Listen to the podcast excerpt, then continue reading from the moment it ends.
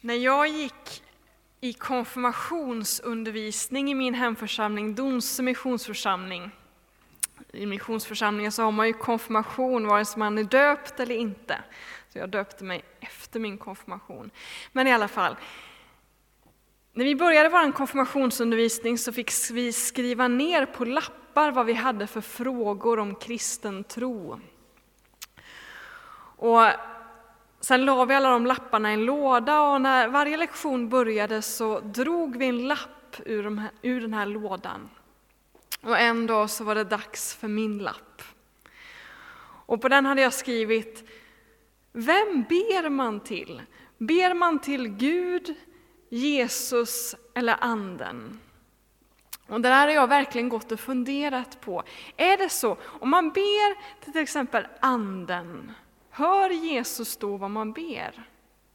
Om man ber, bara ber till Jesus, blir Anden avundsjuk då? Det var, det var någonting som jag gick och funderade som liten mellanstadietjej.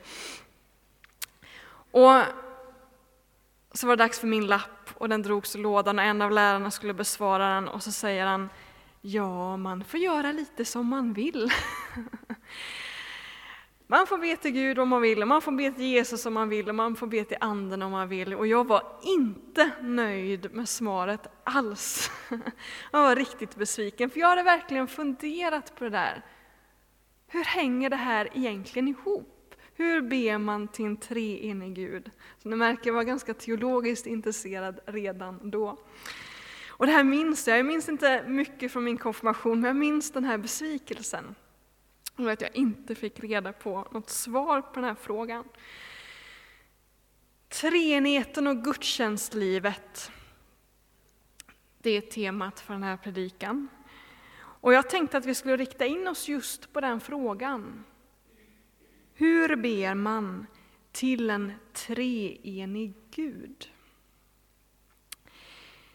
Det finns en känd teologisk fras på latin som lyder så här Lex orandi, lex credendi. Och den kan översättas på lite olika sätt. Man kan förstå den på grammatiskt på två olika sätt. Den kan förstås så här, som vi ber så tror vi. Och det är ju sant. Så som vi ber, alltså om du lyssnar på folks böner, då avslöjas deras tro. Då kommer deras riktiga, riktiga gudsbild fram. Alltså som vi ber, så tror vi också. För det är den tro som har nått vårt hjärta. Och jag tror faktiskt att det är så att de sånger vi sjunger, vet ni, sånger det är ju bön fast med melodi. Våra sånger, de formar vår tro mer än vad som sägs härifrån. För sångerna, de lär vi oss utan till, de går vi och nynnar på hemma och de når vårt hjärta. Alltså som vi ber, så som vi sjunger här i Ryttargårdskyrkan, så kommer vi också att tro. Men så kan den här frasen översättas så här också. Som vi tror, så ber vi. Alltså vår tro måste prägla vårt böneliv och vårt sångliv, vårt gudstjänstliv. Och om vi tror på en treenig Gud, då måste också vår bön och vår lovsång vara trinitarisk. Alltså, det måste märkas i vår bön och vår sång att vi tror på en treenig Gud. Och nu frågar jag dig, hörs det på din bön? Hör man på din bön att du tror på en treenig Gud? Hörs det i våra sånger? Prata lite här med Anna innan, det var svårt att välja sånger till den här gudstjänsten. Hur ber du? En del av er kanske känner att ni knappt ber överhuvudtaget. Det är, man kan bara som predikant säga ordet bön, då är det många som får dåligt samvete. Vi tycker att vi ber för lite, att vi är dåliga bedjare och det är på ett sätt inte så konstigt. För våra församlingar är inte längre de böneskolor de en gång var.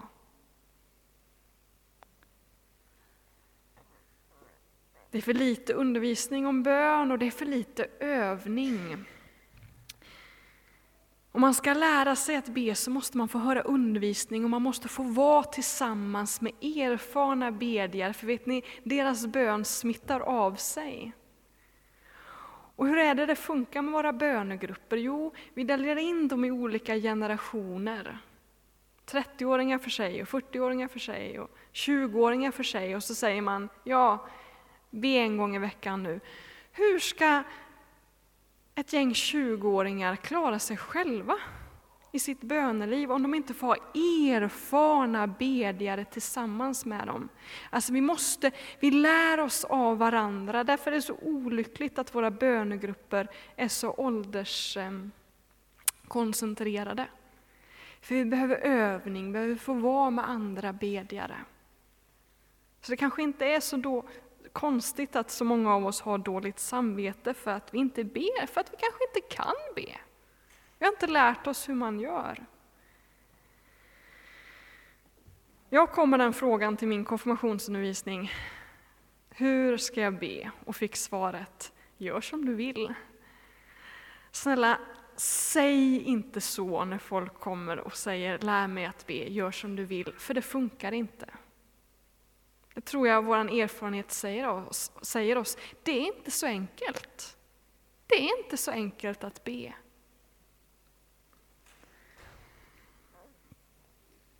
Lex orandi, lex credendi. Alltså som vi tror, som vi, som vi ber så kommer vi också tro, och som vi tror kommer vi att be. Det finns en ömsesidighet där mellan tro och bön. Och om vi ska kunna be på ett kristet sätt så måste vi få kunskap om vem den kristne guden är och han är treenig. Han är treenig och därför måste vår bön också vara trinitarisk. Nu ska vi gå till huvudtexten i den här predikan. Och det är från Efesierbrevet 2, vi får upp den här nu hoppas jag. Ja, 2, vers 18-22. Och den börjar med ett honom och det syftar på Jesus. Vi läser. Ty genom honom kan både vi och ni nalkas Fadern i en enda ande. Alltså är ni inte längre gäster och främlingar, utan äger samma medborgarskap som de heliga och har ert hem hos Gud. Ni har fogats in i den byggnad som har apostlarna och profeterna till grund och Kristus Jesus själv till hörnsten. Genom, hålls, genom honom hålls hela byggnaden ihop och växer upp till ett heligt tempel i Herren. Genom honom fogas också ni samman till en andlig boning åt Gud. Refererade lite till den texten förra predikan, förra söndagen, när jag pratade om att församling handlar om att bli en enhet. Här säger Paulus att församlingen är ett tempel. Vilken fantastisk bild! Det är inte kyrkobyggnader som inhyser Guds närvaro, utan det är församlingen som gemenskap. Varje enskild medlem är en levande sten i Guds bygge. Och genom Jesus så fogas de här stenarna tillsammans och blir till ett tempel åt Gud. Församlingen som gemenskap är ett tempel. Vad är ett tempel? Jo, det är den plats där Gud bor och det är den plats där man tillber och ber till honom. Vet ni vad en församling är? En församling är en bedjande gemenskap som drar andra människor in i den gemenskapen. Det är församlingens gemenskap man lär sig att be. Det är församlingens gemenskap man tillber Gud. Och det är församlingens gemenskap som man möter Gud. Församlingens gemenskapen är ett tempel för Guds närvaro. Och detta sker genom Jesus. Det är Jesus som fogar de här stenarna samman, det sa vi förra söndagen. Låt oss släppa de andra verserna och bara titta på vers 18. Ty genom honom, alltså genom Jesus, kan både vi och ni nalkas Fadern i en enda ande. I den första predikan här som jag hade i Ryttargårdskyrkan så sa jag att allt är av Fadern, genom Sonen och i Anden. Och då talade jag om frälsningen, jag sa att frälsningen kommer från Fadern, den verkställs i historien genom Jesus, genom korset, och den blir verklig i våra hjärtan genom Anden. Frälsningen kommer från Fadern, genom Jesus och i Anden. Är ni med på den rörelsen? Från Fadern, genom Jesus och i Anden. Och sen där i vers 18 att det verkar som att det går samma väg tillbaka. I Anden, genom Jesus, till Fadern. Ser ni det? Vi kan nalkas Fadern i Anden och genom Jesus. Allt kommer av Fadern, genom Sonen, i Anden. Och det vänder tillbaka i Anden, genom Sonen, till Fadern. Låt oss gå till nästa text. Romarbrevet 11. Låt oss läsa den. Och det är Paulus som brister ut i en lovsång. Vilket djup av rikedom och vishet och kunskap hos Gud. Aldrig kan någon utforska hans beslut eller spåra hans vägar. Vem kan känna Herrens tankar? Vem kan vara hans rådgivare? Vem har skänkt honom något som han måste återgälda? Ty av honom och genom honom och till honom är allting. Hans är härligheten i evighet. Amen.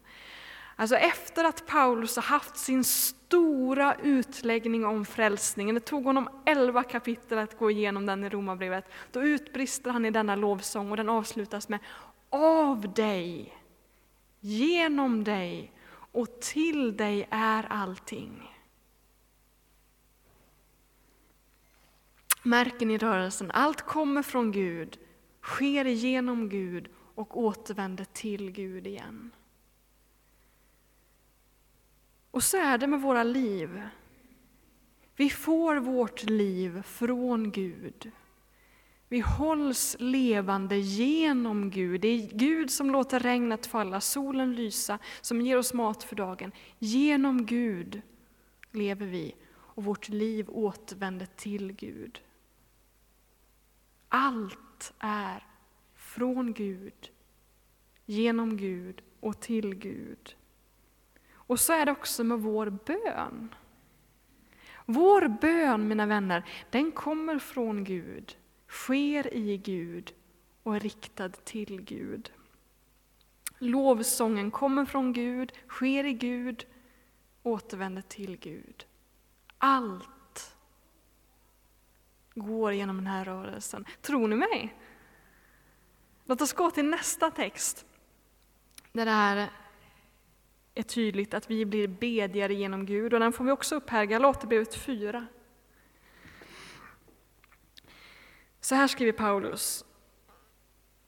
Men när tiden var inne sände Gud sin son, född av en kvinna och född att stå under lagen, för att han skulle friköpa dem som står under lagen och vi får söners rätt.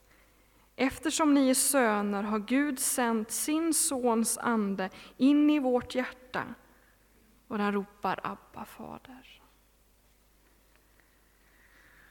När det står Gud i den här texten så syftar det på Fadern. Det är inte alltid så, men det är ofta så i skriften. Till exempel i Romarbrevet 11, då syftar den på hela treenigheten tror jag. Men här syftar det på Fadern. Alltså, Fadern har sänt sin son för att friköpa oss människor, så att vi får söners rätt, så att vi blir Guds barn. I Johannes evangeliet, mina vänner, en liten avstickare, då finns ordet fader med 120 gånger. 120 gånger. Det är mer än ordet Gud används. Det används 108 gånger.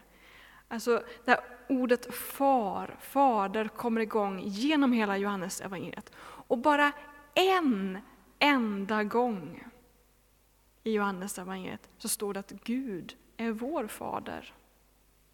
Fadern är framförallt Jesu far. Och det har han varit i evigheters evighet. Alltså sonen och fadern har funnits i evigheters evighet. Fadern är Jesu fader framför allt. Först efter uppståndelsen så säger Jesus i Johannesevangeliet att Gud är vår fader. Och det säger han till Maria där när hon står där och gråter vid graven. Så säger han Jesus, gå till mina syskon, till mina bröder och säg att jag ska stiga upp till min fader och er fader. Det är genom frälsningen, det är genom korset som Gud också blir vår fader. Först efter uppståndelsen så säger Jesus att Gud är vår fader. Och det betyder det här, det är genom att vi förenas med Jesus som Gud blir vår fader. Det är genom föreningen med Jesus som vi kan kalla Gud för fader. Det är tydligt i den här texten. Vi får söners rätt. Och så skriver Paulus att eftersom vi nu blivit Guds söner så har Fadern sänt sin Sons ande in i vårt hjärta. Sin Sons ande, vem är det? Ja, anden brukar ju kallas i skriften för bara anden, eller Guds ande, eller den helige ande. Men på några ställen så står det faktiskt så, Sonens ande, eller Jesu ande, eller Kristi ande. Det är inte på så många ställen, men det finns där. Och det är just för att Gud är treenig. Fadern, ni vet, det är inte vilken fader som helst, utan det är Sonens fader. Och Sonen är inte vilken som helst, utan det är Faderns son. Och Anden är inte vem som helst, utan det är Faderns ande och det är Sonens ande. De olika personerna i treenigheten får sitt namn av varandra. Därför kan vi åkalla Fadern som Sonens fader, som Faderns son eller som Faderns ande, Sonens ande. De får namn av varandra. Och här skriver Paulus att Fadern har sänt sin Sons ande i våra hjärtan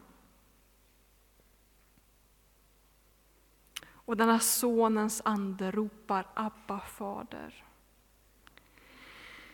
Tillbaka till där vi började, bönen. Hur ber man trinitariskt?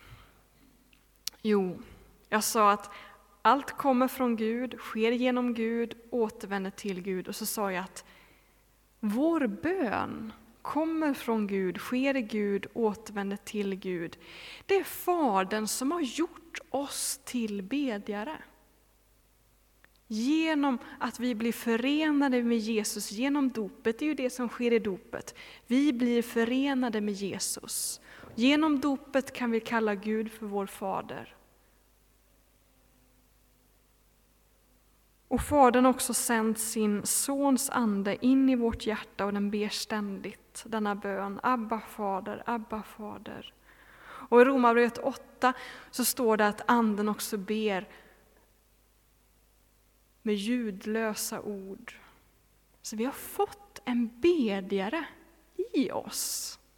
I oss så bor Anden och ber varje stund. Och det är möjligt genom att vi blir förenade med Sonen. Man lär sig att be genom att leva utifrån detta dop. Kristen meditation, kristen bön handlar om att sjunka in i den rörelsen, att allt är av Fadern, sker genom Sonen, i Anden. Att allt sker i Anden, återvänder till Gud genom Sonen.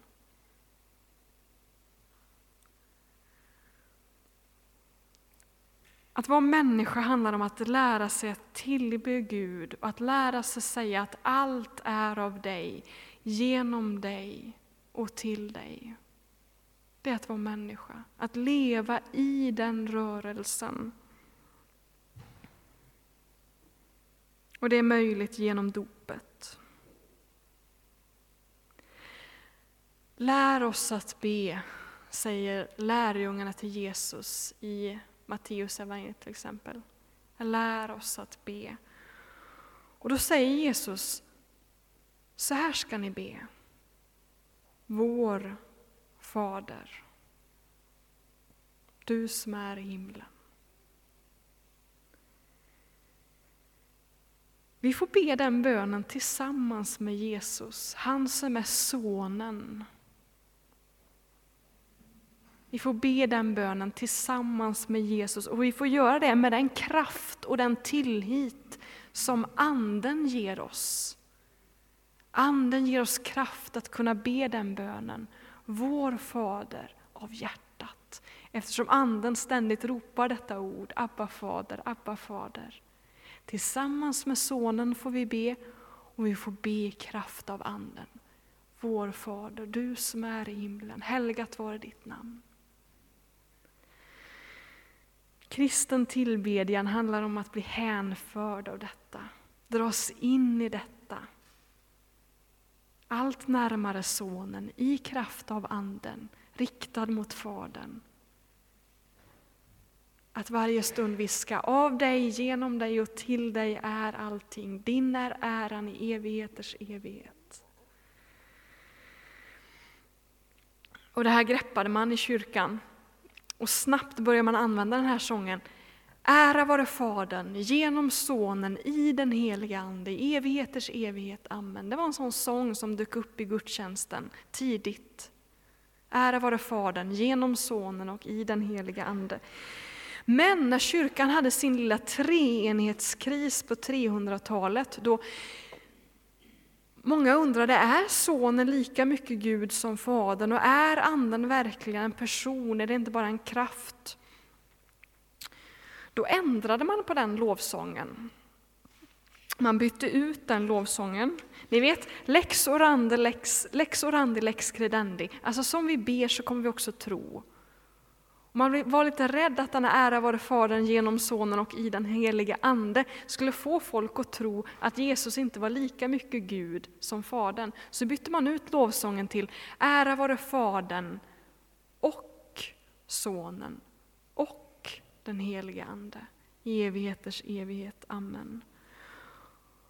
Och det var nödvändigt. Det var nödvändigt för att folk skulle lära sig, församlingen skulle få lära sig att be, men man förlorade någonting på vägen. Och kanske var det just därför min konfirmandlärare sa man får göra som man vill.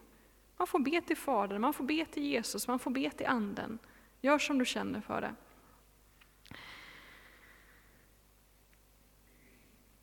Och jag tror att det är sant. Man får be till Jesus, man får be till Anden, men man ska göra det i medvetenhet om denna rörelse, att allt kommer av Fadern, sker genom Sonen i Anden, att det återvänder i Anden genom Sonen till Fadern. Det är en kristen tro, den här rörelsen. Alltså kan man till exempel be Fader, gör mig mer lik Sonen genom din Ande. Det är en trinitarisk bön. Eller Jesus, låt mig få förenas med dig så att jag kan ära Fadern i din Ande. Eller Helige Ande, gör mig mer lik Sonen så att jag kan ära Fadern. Det är trinitarisk bön. Kan man be och använda ordet treenigheten då? Då får man komma ihåg att ordet treenigheten finns inte i skriften. Det är en term som kyrkan har hittat på. Och den är teknisk och den är teologisk just för att greppa, sammanfatta allt, allt, allt detta. Det finns, den finns i vissa lovsånger, ära vara den heliga treenigheten eller något i den stilen. Men vi har fått namnet Fader, vi har fått namnet Sonen, Anden. Så får vi be.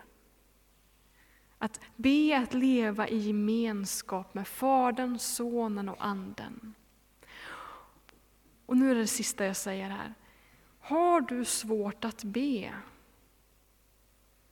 Gå till Jesus och säg det. Säg som lärjungarna, lär mig att be.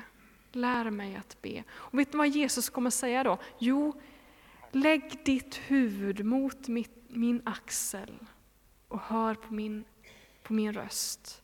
Så kommer han säga, Vår Fader, du som är i himlen, låt ditt namn bli helgat. Låt ditt rike komma, låt din vilja ske. Så får du höra sonens böner, för vet ni, sonen ber. Han gör det, skriften talar om det. Och när fadern ser att du har lutat ditt huvud mot sonens axel, att du håller hans hand, då skänker han av sin ande. Och denna ande ber i dig varje stund, ger dig kraft att be, ger dig ord att be med. Att be är att förena sig med Jesus och be i kraft av Anden. Och att lära sig att säga detta, ära vare dig. Genom dig, av dig, genom dig och till dig är allting. Din är äran i evigheters evighet. Amen. Det är en kristen bön. Låt oss be. Fader i himlen, vi tackar dig för att du har sänt din son till oss, att vi får förenas med honom i dopet och att du gör oss till bedjare. Du lär oss att tillbe dig i ande och sanning. Och Fader, du skänker din ande till oss och vi får be i kraft av denna ande. Och jag ber att vi skulle få sjunka in i detta evangelium, be utifrån detta evangelium. Låt oss få vara en bedjande gemenskap som drar med andra in i denna bön. Låt Ryttargårdskyrkans församling få vara ett tempel, en bedjande gemenskap. Utgjut din Ande över oss och lär oss att be. Lär oss att be. Gör oss till bedjande och lovsjungande människor. Utan dig kan vi ingenting göra. Därför säger vi av dig och genom dig och till dig är allting. Din är äran i evighet. Amen.